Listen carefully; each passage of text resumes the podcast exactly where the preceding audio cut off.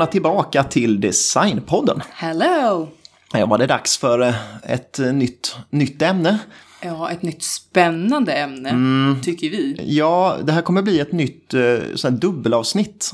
Likadant som gjorde med Wägner. Eh, Det blir... Lite samma stuk. Ännu en dansk, va? Men de är ju the greatest. Ja, och han vi ska prata om idag är ju en av de där i toppen av de både mest kända och, kanske mest dyraste. dyraste och mest uppskattade. Och vem ska vi prata om?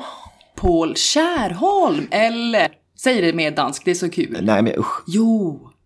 Eh, Nej, det vet jag inte. Nu blir jag stressad. Eh, Det är ju stavat med ett sånt där konstigt AE som sitter ihop. Ja, Kärholm. Ja, det blir liksom mer ägt och så, men... Kärholm. Jag orkar inte hålla på så. Hur som helst, det, det är ju liksom, han är ju tillsammans med Wägner, Finn Hjul och några till eh, i toppen där av de här Mm. liksom mest eftertraktade och mest kända namnen också. Absolut. Men det är också där, liksom, det är roligt att gräva lite under ytan och kika, liksom, vem var egentligen Paul? Mm. Ja, men det vet man inte. Och vad tänkte han egentligen liksom, när han gjorde sina grejer?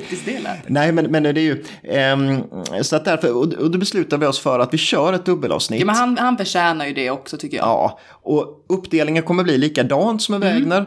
Det vill säga att idag pratar vi om personen och historik och lite sånt. Ja. Men vi har utelämnat till stor del möblerna. Ja, det gör vi. Och sen så nästa vecka går vi in och liksom djupdyker i vissa av möblerna och pratar lite om modellerna och sådär då. Så eh, Nypriser och auktionspriser, you know the drill. ja, så att vi gör en sån uppdelning.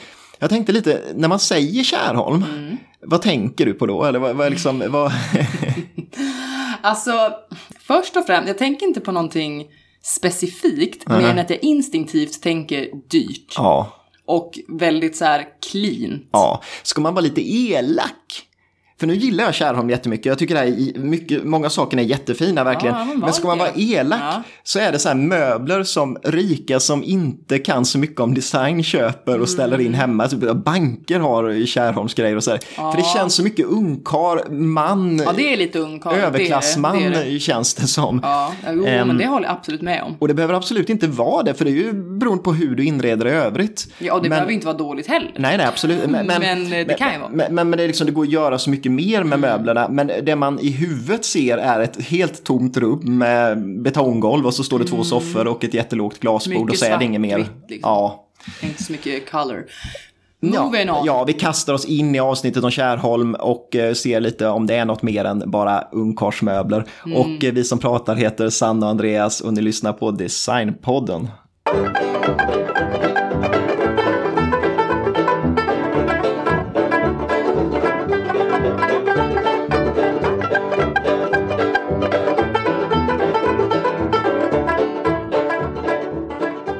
Här veckan då, och nästa, Mm. har vi då använt oss av eh, en jättebra bok, jättetjock, jättesnygg estetiskt, som Ja. heter Paul Kärholm, Furniture Architect. Och den är utgiven av Louisiana Museum of Modern Art. Mm. Har då en författare som heter Michael Sheridan och fler. Ja, Men eh, ja, Men det är- det är tips ett på- museum liksom- som då har givit ut den. Ja, och det är en bok som, den kostar lite mer, men, Mm. det, men är man intresserad så är ju det ett tips på att köp den och då unna sig den, för den är så kul att ha och den är estetiskt vacker Mm, verkligen. att titta på, så att eh, ett bra tips. Verkligen. Paul då, Mm. föddes den 8 januari 1929 i Östervrå, Danmark. Vet inte var i Danmark det ligger, Mm. Kan jag erkänna på en gång. Men han Men förhoppningsvis i öster. Ja, jo, det, eller om det Känner ligger jag öster om det andra vrå. eh, men, men han föddes lite senare än, än vissa av de här andra namnen, så han är en liten generation senare Mm, än precis, för Wägner det, och så. ja, exakt, exakt. När han var sju år flyttade familjen till Göring, Mm. om det är så man säger. Det är ju två R, man kanske, vem vet? Jag kan inte danska tyvärr. eh, Det är inte jättemycket info om just hans tidiga så här, barndomsår. nej. Men från 15 års ålder i alla fall så var han lärling hos en snickarmästare som hette Grönbäck. Mm. Medan han då samtidigt studerade på Görings tekniska skola. Mm, just det.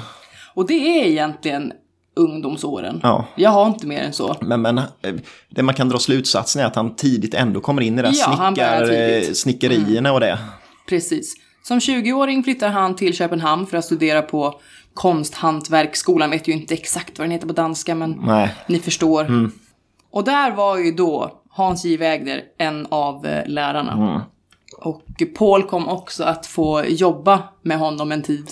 Och det måste ju varit jätteviktigt för någon som vill komma in i det här med möbler och sen så få en sån lärare. 52 tar han examen då och blir då snickarmästare. Just det.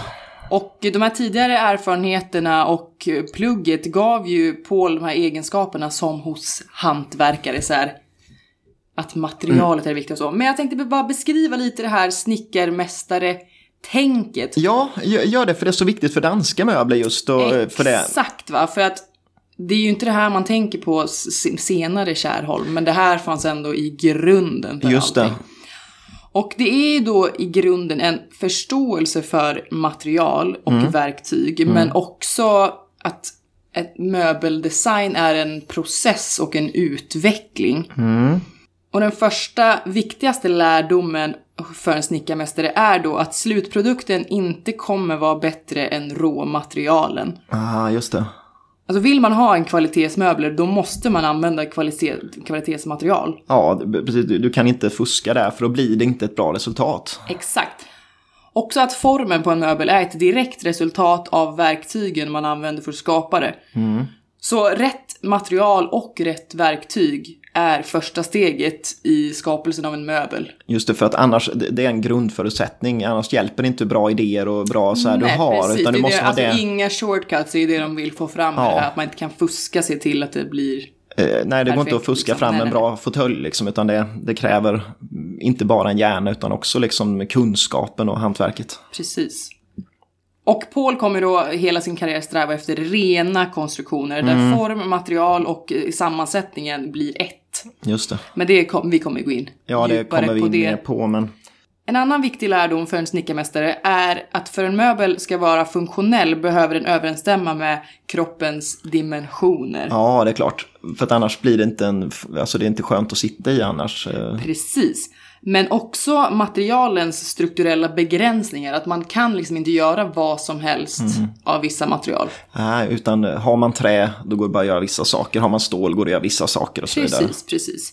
Och utvecklingen då är en viktig process och därför användes ofta existerande möbler som inspiration. Mm, Man förfinade och förbättrade. Och eh, på så sätt blev det en så fulländad möbel som möjligt. Just det. För det var ingen som, man förväntas inte bara kunna skapa en fulländad möbel direkt, Direkt, ur nej, ingenting. nej, utan man ser det i en, en, sätta in sig i ett sammanhang på något Ja men sätt. precis, och därför kan man, man kan ju ofta tänka liksom att, det, att det är bara kopior och att man har inspirerat så mycket att det är väldigt likt och så. Men jag förstår verkligen Eh, Hur han tänker, tanken. nej, jag, jag tänkte komma in på det mer sen för att Ja, det är just, just kring att, att vissa har förminskat Kärholm lite i Mm. det här att man säger att han har kopierat Bauhaus-möbler men det är, det är inte sant om man Nej, säger. inte om man tänker det här sni- snickarmästare-tänket. Nej, Och i alla fall, alla de här egenskaperna då kommer ju att eh, forma hela Pauls eh, karriär. Mm. Och han kommer ju då att skapa både tidlösa och moderna möbler. Ja, och exakt. det är ju beundransvärt. jo det är ju inte många som har lyckats med. Nej, eh, verkligen inte. Och det är ju därför han blir så bra. Ja, var- varför? Han, han är ju mer tidlös tycker jag än många av, alltså en Wägner.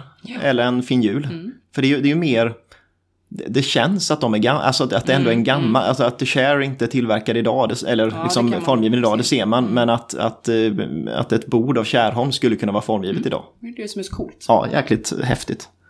Lite åter till skolgången. Det här Mm. var ju intressant, men för att ta examen där på möbelskolan Ja. så var eleverna tvungna att designa och konstruera en möbel som var tekniskt felfri och samtidigt estetiskt vacker. Vilket jävla krav! Tekniskt felfri! Det är ju jävla Ja, det, det är ju... alltså, men det kan jag nästan köpa. Ja, jo, jo, i och för sig. Men, Men, och det var ju då en tradition från det här skråväsendet som vi har gått igenom många gånger för att man liksom ska få bli snickarmästare. Mm. ja, bla, bla, så ställs det jäkligt höga krav Ja. helt enkelt. Så 1951 då, ett år före examen, så gjorde då Paul detta Mm. med PK25. Just det. Men den ska vi inte prata om nu, den ska Nej. vi prata om i nästa avsnitt. Men vi kan nämna Men- att det är en vilstol helt enkelt med eh, så här, repsits och rygg. Och det, det är liksom den första ordentliga möbeln som han gjorde så. Ja, och där ser man också vad som komma skall liksom i, i formspråket. Precis. Efter examen 52 så blev han direkt ganska erkänd som möbeldesigner i och med just PK25. Mm. Som samma år ställdes ut på Danish Museum of Art and Design. Just det. Alltså samma år. Så han blir lite ju- erkänd eh, som ung designer där. Precis. Och den uppmärksammades bland annat av Sören Hansen som då var chef på Fritz Hansen Just det. Och på Wägners rekommendationer, för att de börjar liksom gilla varann, Jo, så blir Paul anställd att arbeta på fabriken. Men alltså Fritz Hansen. Ja, just det. Men han gillar inte Fritz Hansen riktigt, va? Nej, det- vi, vi kommer Ja. till det. Men på Fritz Hansen så fick Paul experimentera väldigt mycket med, med ångböjda, alltså böjträ och laminerat trä och så vidare. Mm. Just det, för de gjorde ju mycket, som sjuanstolen till exempel, är ju typiskt formböjt trä. Så att det började ju bara i trä Ja. för honom. Men ingen av hans möbler massproducerades förrän 55 då rektorn för Royal Academy of Fine Arts, Olle Wanscher, Mm. lät Paul designa möbler till eh, den skolan då. Ja, just det. Bland annat ritbord och skrivbord. Ja, så det var alltså bruksmöbler på det sättet. då. Mm. Nu säger jag alla de här skolorna och så på engelska för att liksom jag, jag orkar inte ge mig på. Översätta, nej. Men och jag vet inte, då ska man leta officiella grejen. namn. Så. Ja, när ni fattar. ja.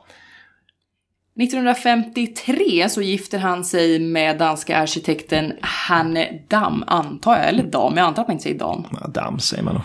Men hon var ju också jävligt cool, för jag läste lite om Mm. henne. Men jag tänkte att, äh, vi drar inte in henne så mycket i det här, men Nej, det vore kul någon gång att liksom välja ut lite olika så här udda namn att prata om. Så här skulle man kunna göra. inte på fruarna till de här gubbarna någon gång också. Men Som idag man- valde jag ja, att inte göra det. Precis. Men ja, som du sa, han jobbade då bara ett år på Fritz Hansen Mm. och anledningen till det här var att han inte fick producera sin skalstol PK0, Nej, som man det, kallar den det. vill han göra ja. Ja, för tydligen ska företaget ha valt att istället producera 300 av eh, Jakobsens myran. Mm. Och eh, han valde då att sluta och tog sin prototyp med sig. Mm. För han, han, jag har hört något citat, jag vet inte om du har det där, men liksom, eh, något att han har sagt att det finns inte plats för två stycken arkitekter som mig och Jakobsen på Fritz Hansen. Och det, det, det låg väl lite i det, för han ville ju verkligen inte sen ha med Fritz Hansen att göra. Det som dock är lite roligt och paradoxalt i det här, det är ju då att den här stolen inte kom att produceras förrän 1997. Nej, och det. det var då för Fritz Hansens Ja, ja. 125-årsjubileum. Precis, för att eh, Fritz Hansen tar ju över produktionen sen igen eh, Ja. eh, efter Paul Kärrholms död dock. Men Så det- det kommer vi in på sen. Ja, Under de kommande åren så arbetar han för lite olika arkitekter och formgivare, Mm. bland annat uh, Jörn Utzon, säger man så? ja det, det är ju, jag tänker mest på en taklampa, en takpendel. Hur ser den ut då? Eh, lite Panton-styck på. Aha. Lite Okej. kul. Ja, fin. Och 1953 och 54 så kom han att experimentera mycket med, med konceptet möbler för industriell produktion. Alltså gjorda i fabrik och eh, låga Mm. Ja. priser. Och det är ju inte något han är känd för. Men Nej, han alls. har experimenterat med det. Ja, 53 kontaktades också Paul av tillverkaren Chris Sörensen. Mm. Och för honom gör Paul lätta graciösa aluminiumstolar som var staplingsbara. Mm. Och med avtagbara ben. Så de var lätta att skicka. Det är lite det här platta paket-tänket. jo men exakt. Och det var också en väldigt experimentell period för honom. Innan han kommer igång ordentligt med yrkeslivet ja, så är det mer, Ja, men han fick testa Tuta och på köra och liksom. testa. Men och det är ju skitbra. Ja. För då vet han ju vad han är bra på och inte. jo men exakt. Och i slutet av 55, så efter fyra år av konstant arbete, hade Paul en enorm variation av skisser och ritningar och prototyper. Mm. Men eh, bortsett då från några aluminiumstolar och de här ritborden, så hade hans möbler inte producerats. Och Nej. han hade inte heller blivit så uppmärksammad som man hade hoppats. Nej, han hade mycket idéer men mm, kanske inte helt lätt att omsätta det i verkligheten. Han hade ju dock fått vara väldigt kreativ och experimenterat väldigt mycket. Och det hade ju förfinat hans former en del. Ja, det är Men klart. det kommer ju du komma in Ja, jag gör ju det.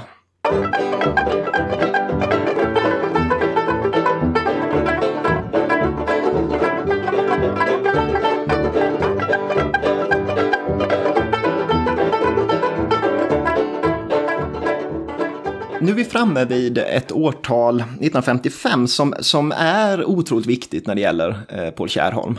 För han träffar en viss person där. Men, men bakgrunden till det, det drar- jag tycker jag man kan dra tillbaka det här med Chris Sörensen.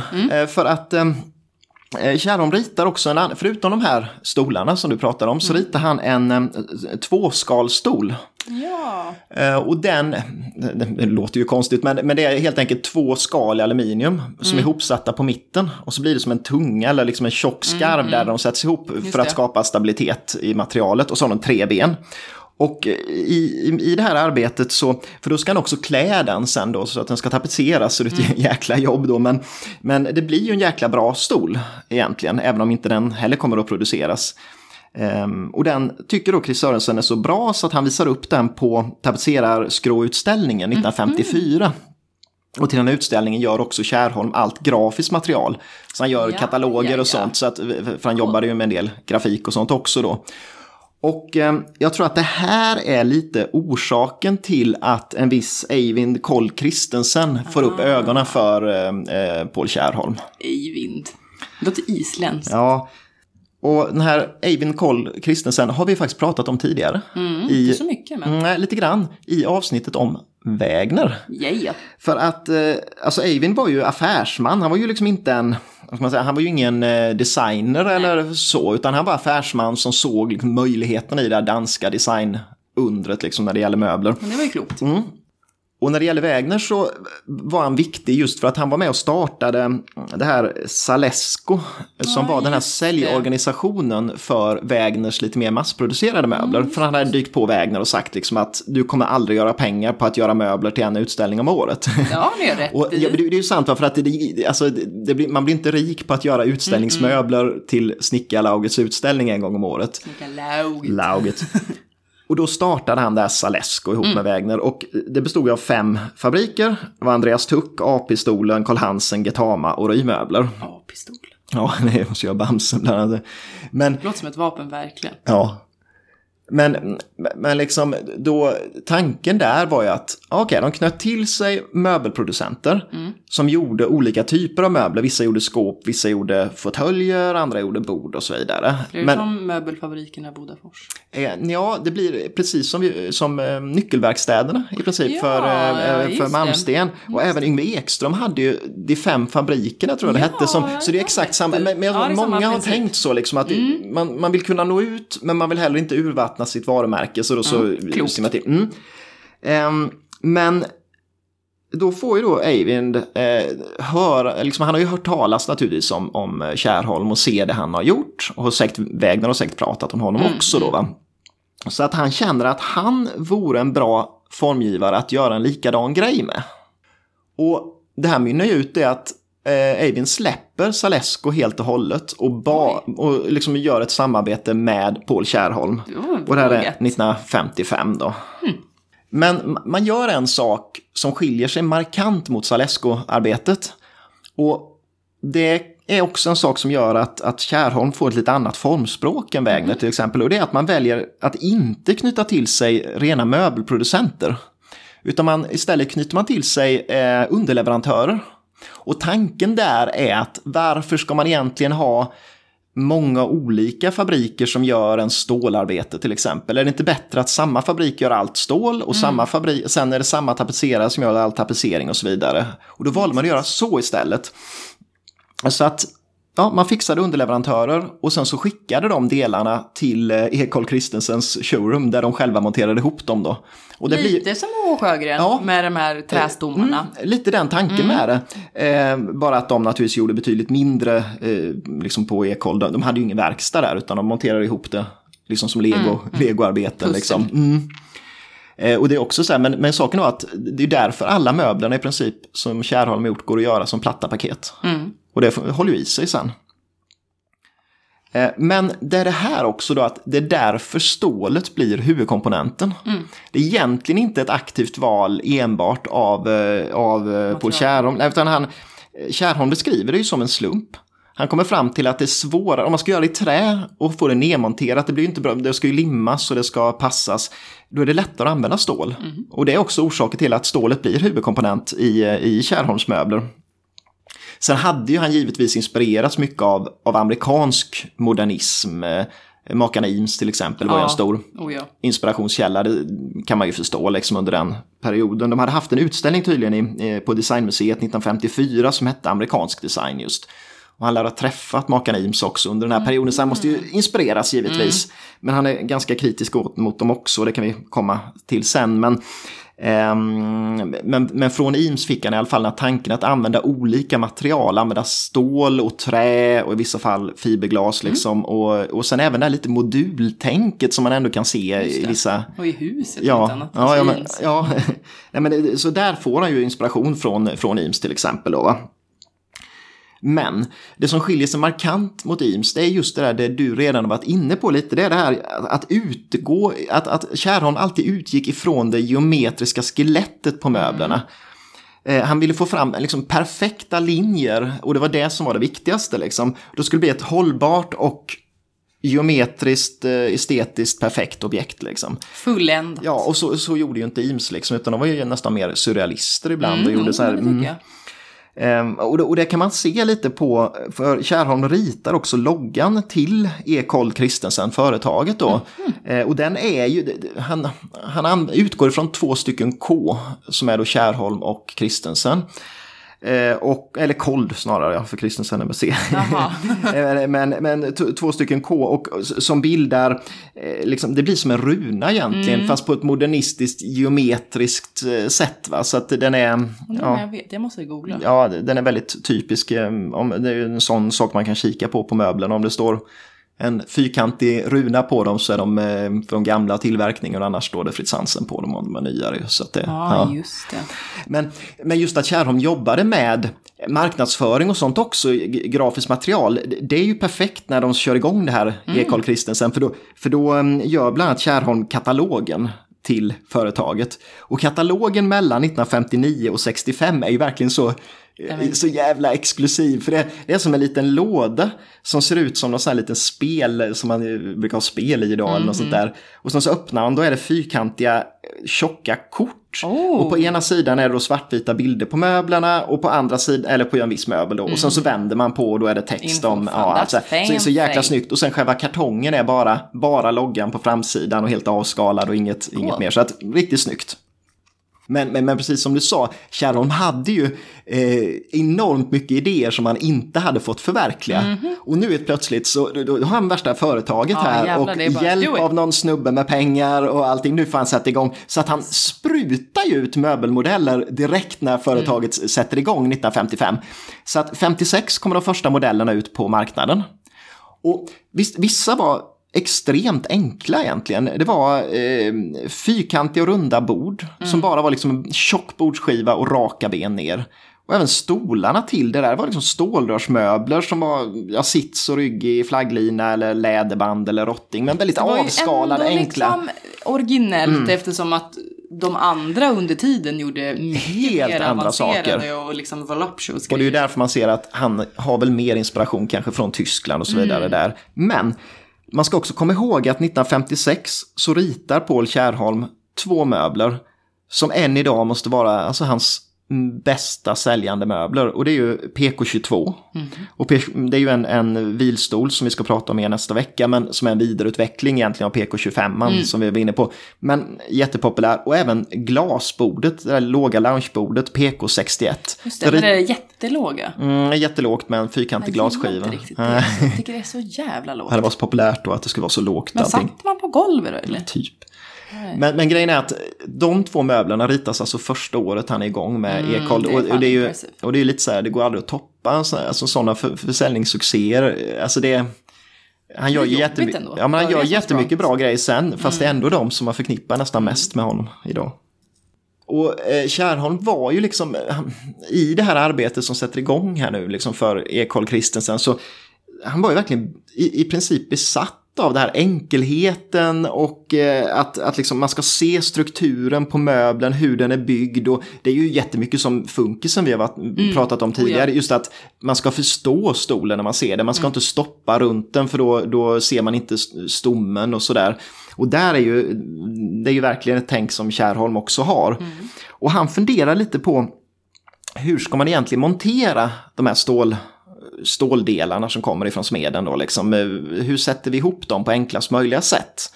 Och där får han faktiskt, eh, han ser en skruv som amerikanska mekaniker hade tagit fram 1910 redan. Mm -hmm. Och den kallades för Allen Screw eller Uh, Unbreako uh, såldes den som också. Och det, det, är alltså en skruv som är gjord för tunga maskiner. Liksom. Mm. Men den ska vara oförstörbar och ändå ganska klumpig skruv så, här, så att den är tänkt i en motor liksom, eller mm. något sånt där. Men den tycker jag den här är jävligt snygg. Och eh, efter andra världskriget så blev det mer och mer att den spreds även utanför eh, USA då. Man har säkert använt den i krigsindustrin och folk har sett den då. Mm. Liksom så. Och den tycker han att den ska jag använda mig av.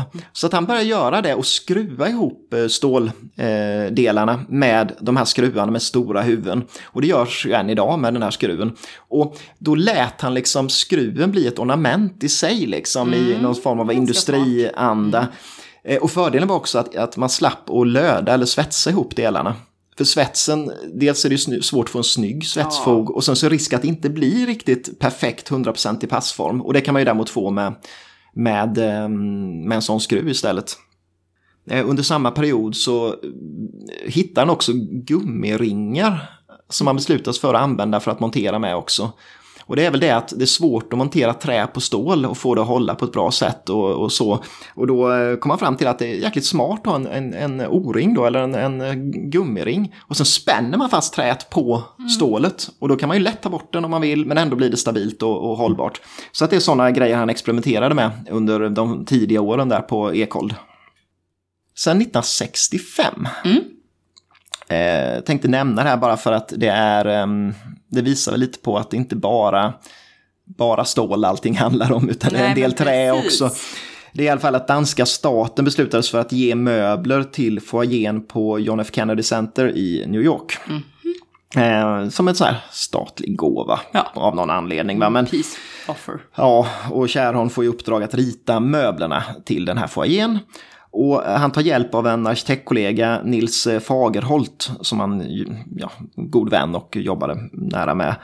Och eh, dit han känner att han ska använda en väggfast soffa som han hade ritat redan 1956. Den heter PK26, så den som man hänger på väggen liksom. Mm. Men annars är lite nästan Barcelona-fåtöljdsstuk på den om man säger så. Mm. Men sen vill han ha en annan soffa också som en vanlig man kunde ställa in. Och då ritar han en soffa utan armstöd som påminner mycket om Eames grejer egentligen på något sätt. Så här, helt rak, ehm, liksom med sits och rygg. Men benen är i, eh, liksom i ja, stål då. Men sitsen och ryggen är formböjt trä. Mm. Och sen så ligger det dyner uppe på det där sen då. Och det, det, blir lite, han börjar jobba där i, i plywood och ser liksom att ja, det är ett ganska bra material att använda sig av. Nu, nu sket sig det här projektet helt och hållet tydligen, för inflationen blev så hög så Danmark hade inte råd att ge möblerna Nej, till slut. Ja, men av det här i alla fall så blir det, soffan görs ju aldrig då. Men Kärrholm fick upp ögonen för just det här med, med plywood i, under den här perioden. Så att några år senare, 1971, så gör han en fåtölj i samma stuk som, som soffan. Men då släpper han också benen, så inte heller benen är metall utan benen är också i formböjt trä. Mm. Eh, och den hette PK27 och den kan man gärna kika på för den påminner inte om, om eh, de andra grejerna. Nej, utan, och då har han ju dragit in i det här att, att verkligen kunna använda sig av olika material liksom, och inte bara stål liksom, som är det man tänker på i, i huvudsak.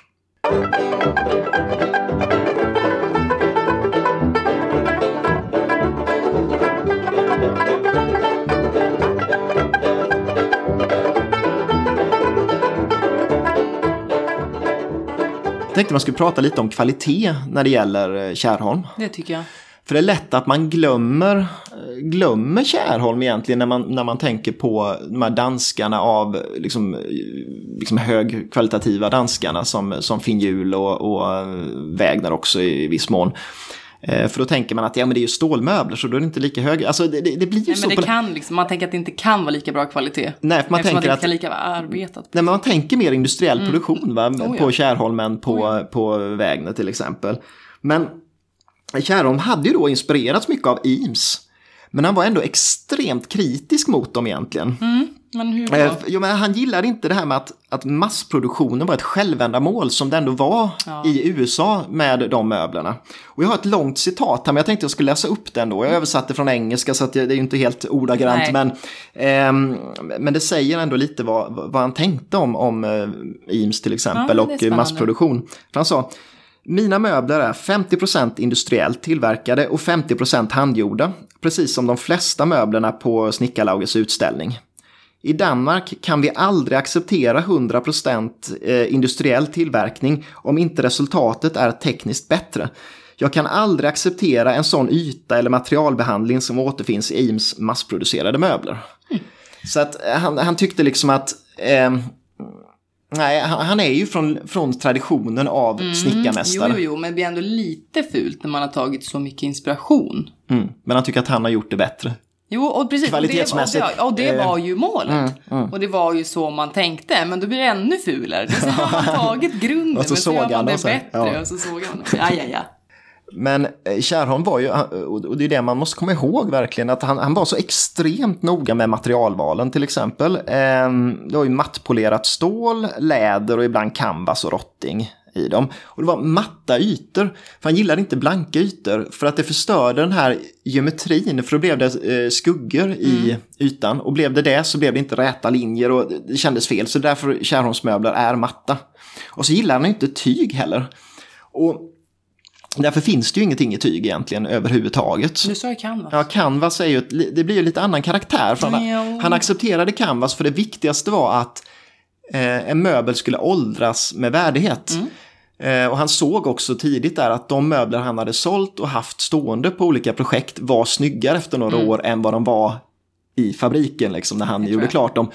Och därför var tyg ett problematiskt material för tyg blir väldigt sällan snyggt med åren. Canvas kan bli det för att det kan ibland bete sig lite som läder. Att, att det, liksom, det kan blekas eller bli gulna och att ändå få lite så här rustik känsla.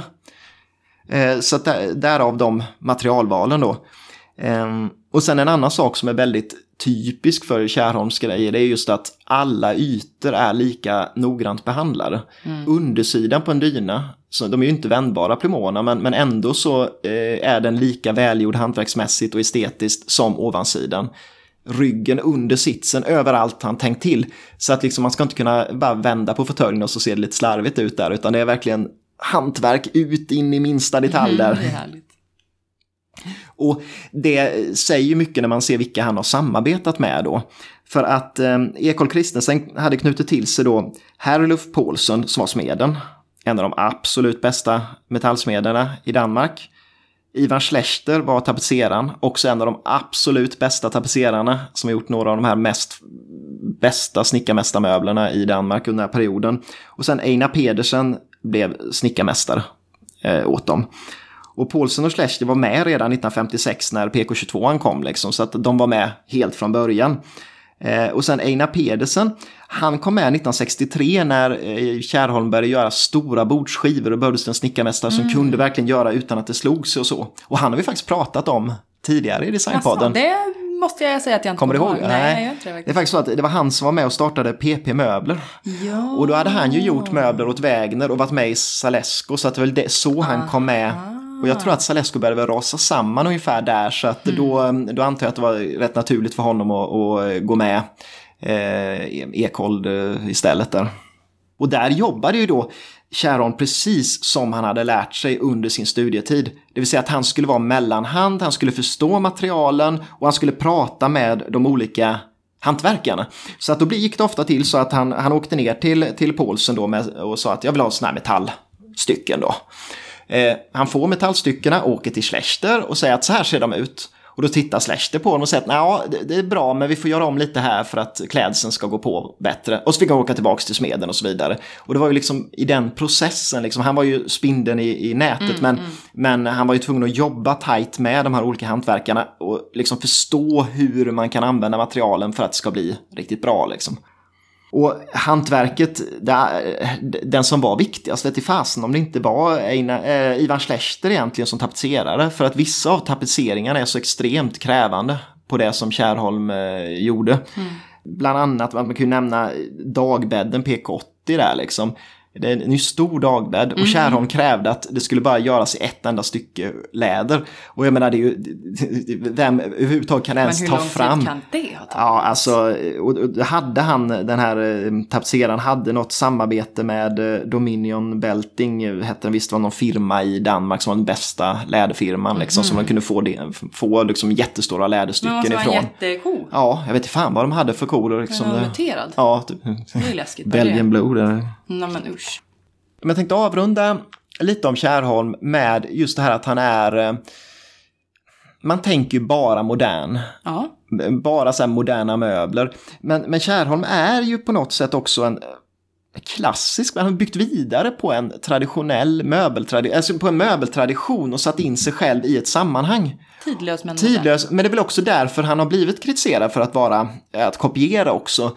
Eh, och liksom, man kan väl börja redan där att eh, precis som många andra av de här danskarna så inspirerades man av antiken och sånt Mm, också. oh ja. Och det har ju faktiskt Kärrholm också gjort.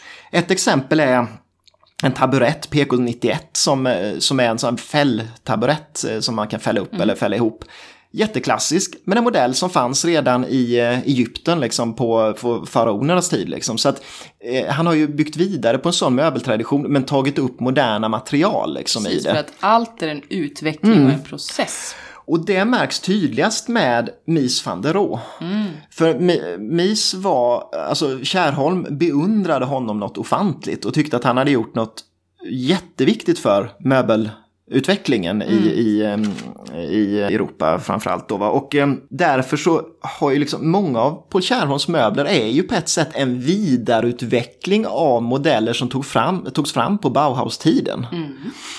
Skillnaden är väl liksom att, att Kärrholm har ju gjort något nytt av det. Han har, han har renodlat dem mer. Och han har liksom utvecklat sättet att, att, liksom, vad ska man säga, att producera dem. Eh, och säkert att det inte gick heller på den tiden att göra dem lika bra. För jag menar om man ser glasbordet PK61 som vi pratade om innan, det här fyrkantiga glasbordet. Eh, Mies van der Rohe har ju, ett har ju ett eget bord som ett fyrkantigt glasbord med också en stålställning under. Men Kärrholm har gjort någonting, hans bord är ändå objektivt sett lite bättre. Samma sak med dagbädden. Mies van der Rohe har en dagbädd, Paul Kärrholm har en dagbädd. Men när man jämför dem så är ta mig fan Kärrholms dagbädd bättre. Men den hade kanske inte kommit till om inte Mies van Rohe hade gjort sin Nej, dagbädd innan. inte. Så därför tycker jag inte man kan säga att det är liksom eh, kopior. Utan både Kärrholm och Mies van der eh, pratade mycket om arketyper. Och det är ju något man tjatade sig för, till förbannelse på, på universitetet. Jag antar att man läste det på konstvetenskapen också i allting. Mm. Oh, ja. Och, och det där, eh, ja vi ska ju inte dra vad det är för mycket, men det är ju någon form av urbild eller ehm, Mm, urtypen. av en viss sak. Man pratar om urmodern till exempel och så vidare. Och det är också det att alla människor har en uppfattning om, när man, när man säger stol, ja då, då har de flesta människor en viss uppfattning om stol. Precis, och det är det är vissa sits och egenskaper. Ja, vissa egenskaper som ska vara uppfyllda. Och det var eh, efter de modellerna som både Mies van der Rohe och eh, eh, Paul Kärrholm jobbade. Och därför är det inte så konstigt heller att resultaten blir snarlika liksom. Och man får ju se det så helt enkelt att det, först kommer en uppfinning av stålrör. Ja, eh, då börjar man göra möbler i stålrör. Och då gör till exempel, ja då, vad ska man säga, Martstam och Marcel Breuer gör möbler i stålrör. Ehm, och eh, sen, de blir kanske inte jättebra, men det är viktigt för att man gör liksom nya, alltså, ett, man börjar använda det nya materialet. Sen så kommer Mies van der Rohe till exempel då va, och gör bättre möbler. Och sen så kommer Kärrholm och gör ännu bättre eller vidareutvecklar. Ja, ja. Alltså, alltså ingen kan väl förväntas göra något perfekt på första försöket. Nej. Allt är ju en utveckling. Allt det är här en gäller utveckling. inte bara möbler. Nej, Inget blir perfekt från början. nej. Men det är, That's life. ja, det är ju så. Ehm, nej, men alltså, jag tycker att mycket av det, det Kärrholm har gjort är ju verkligen jättebra. Och kollar man kvalitetsmässigt så är det ruggigt bra. Det håller. Ehm, men idag vet i fan längre liksom hur man ska se på det. Men det kan vi komma in på nästa, nästa avsnitt. Precis ja, det blir ju inga klubbslag i det här avsnittet. Nej. Utan allt sådant blir next time. Så hoppas ni lyssnar då. Ja, nästa vecka återkommer vi. Men eh, har man några idéer eller något, nu är det snart slut på den här säsongen faktiskt. Eh, Ja, vad är det? Fyra avsnitt kvar? Ja, vi har något? sagt att vi ska ha 18 avsnitt per säsong, så det är nog fyra avsnitt Mm, något kvar. Ehm, eh, så att det blir, sen blir det ett välbehövligt uppehåll. Mm. Men om man har idéer eh, och synpunkter och tankar och så, Jättegärna. ja, hör av er. Jag Eh, vill ha idéer på kvinnliga Mm, kvinnliga, vi, det, som har bra liksom, eh, fakta, Ja. grunder någonstans. ja precis, kom gärna med Men vad ni än har källmaterial. för idéer. Mm. Vi, har, vi kommer ha en kvinna innan den här säsongen är Jo, slut, har vi en. lovat, men det är ju inte mycket. Nej, det är ju skamligt nästan. Ja. Eh, Men om man vill, oss något, eller om man har de här idéerna, Ja. vad, vad gör man då? Man mejlar oss på designpodden.gmail.com. Och så vill vi hemskt gärna att man ska följa oss på Instagram, heter vi Designpodden, och följa oss på Facebook och eh, skicka Whatever. meddelanden och sånt. Så, Jättegärna. ja. Men tack för att ni har lyssnat, så hoppas jag att ni hänger med och pratar, liksom, hör vidare om Kärholm nästa vecka. Hej!